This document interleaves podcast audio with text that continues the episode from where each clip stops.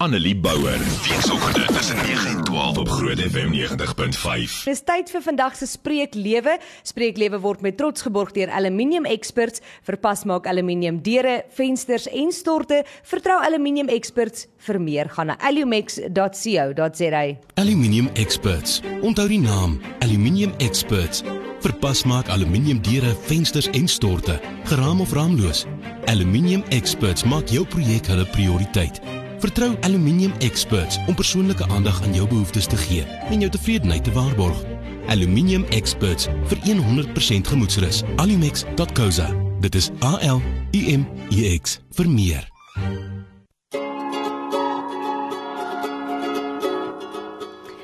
Vandag se spreeklewe gaan ons bietjie kyk na 1 Timoteus 6 en ek gaan bietjie later daai verse vir jou lees, maar ek moet net eers vir jou sê waar ek hier aangekom het. Dis nie ek wat altyd alles so goed uitdink nie. Ek leer ook by ander mense en dit is tog hoe Christendom en geloof werk, is die bereidheid om te leer by ander mense, om jou eie idees dalk partykeer so 'n bietjie eenkant toe te skuif en te sê, "Oké, okay, kom ons hoor wat sê hierdie persoon want miskien wil God vir my iets sê." So, ek het op 'n video afgekom van Rob Bell wat praat oor rykdom.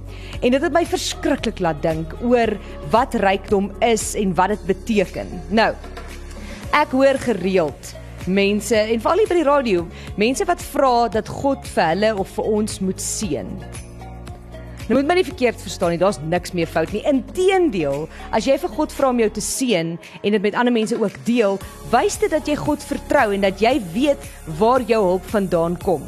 Dat jy weet waar jou vertroue lê.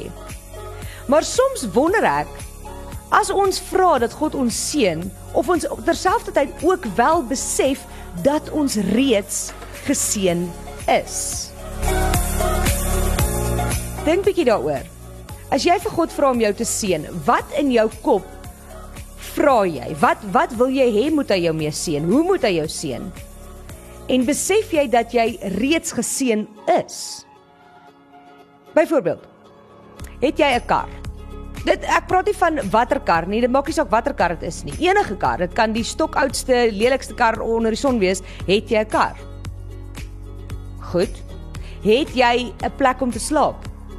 Dit hoef nie jou eie huis te wees nie. My huis is nie my eie huis nie. Maar het jy 'n plek om te slaap? Het jy 'n bed om in te slaap? Het jy iewers waartoe wat jy huis kan noem? Dink bietjie daaroor. Het jy 'n selfoon? Gaan jy vandag iets kan eet? Enigtyd vandag. Dalk het jy al iets geëet, maar gaan jy vandag iets kan eet? Weet jy dat daar vandag hier op die 21ste Oktober meer as 800 miljoen mense wêreldwyd is wat niks gaan eet nie.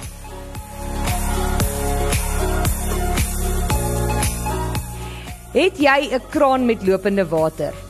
Weet jy dat daar vandag 790 miljoen mense wêreldwyd is wat nie toegang het tot skoon drinkwater nie, wat nog te sê 'n kraan met lopende water.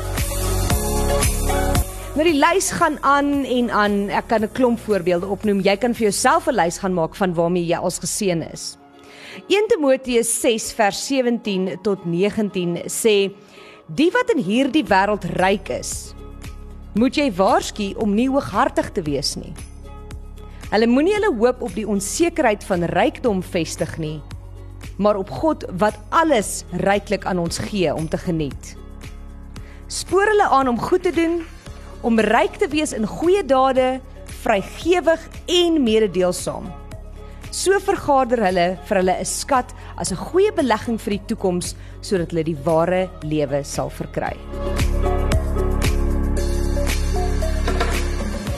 Nou dalk sê jy nou vir my Annelie, maar ek is nie ryk nie. Ek werk baie hard en ek kom net net deur in die maand of ek kom nie eers deur met al my geld nie en veral nou in 2020 met COVID-19 het is my salaris gesny en 'n uh, eh, party van die mense het werk verloor en daar ons kom nie deur alles nie.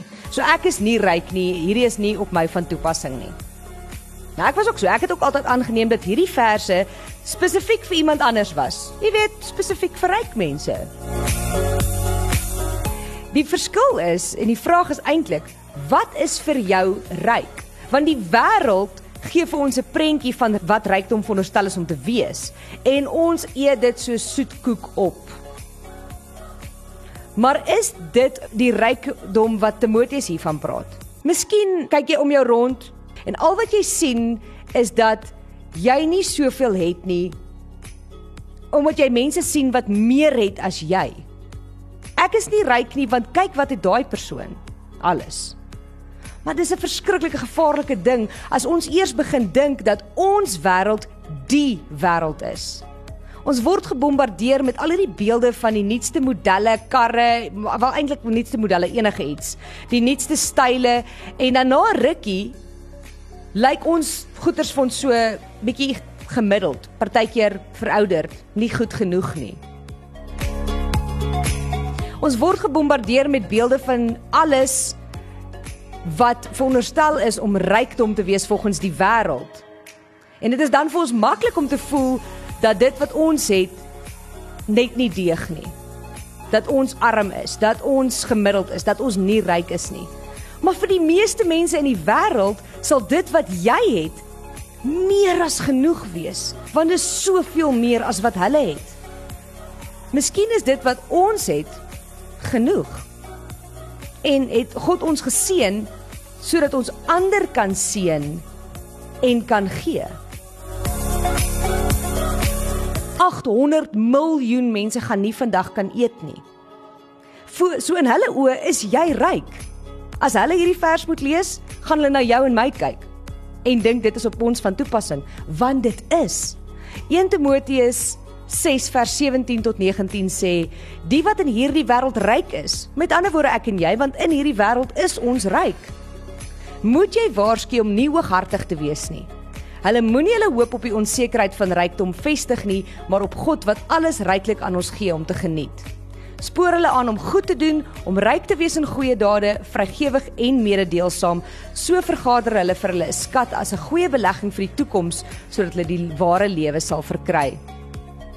Nou, dink bietjie oor daai vers sê 17 wat sê maar op God wat alles ryklik aan ons gee om te geniet. Dink bietjie wat sê dit? Daai alles wat God ons ryklik mee voorsien, is alles wat ons het. Alles wat jy het is 'n geskenk van God af en 'n seën van God af. Kos om te eet, 'n geskenk. Klere om aan te trek, 'n geskenk. 'n Dak oor jou kop, dis 'n geskenk. Daai asemteug wat jy sopas ingeneem het, dis 'n geskenk. Nou kom ons wees eerlik, dis maklik om na 'n kerkdiens te gaan, dis maklik om die Bybel te lees, dis maklik om te bespreek wie glo wat en wie is reg en wie is verkeerd.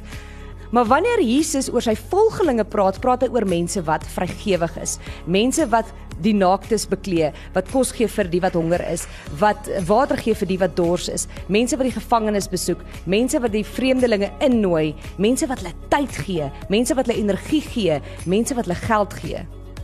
So die vraag is nie wat kan ek kry as ek vir God vra om my te seën nie. Die vraag moet wees wat kan ek gee? Want almal van ons het iets om te gee. Hier, nou, vandag en dan môre en die volgende dag. Wat kan jy doen om vrygewiger te wees? Wat is die volgende stap vir jou? Jy is geseënd.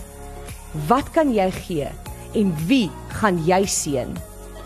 Brunch met Annelie Bouwer op Groot FM 90.5.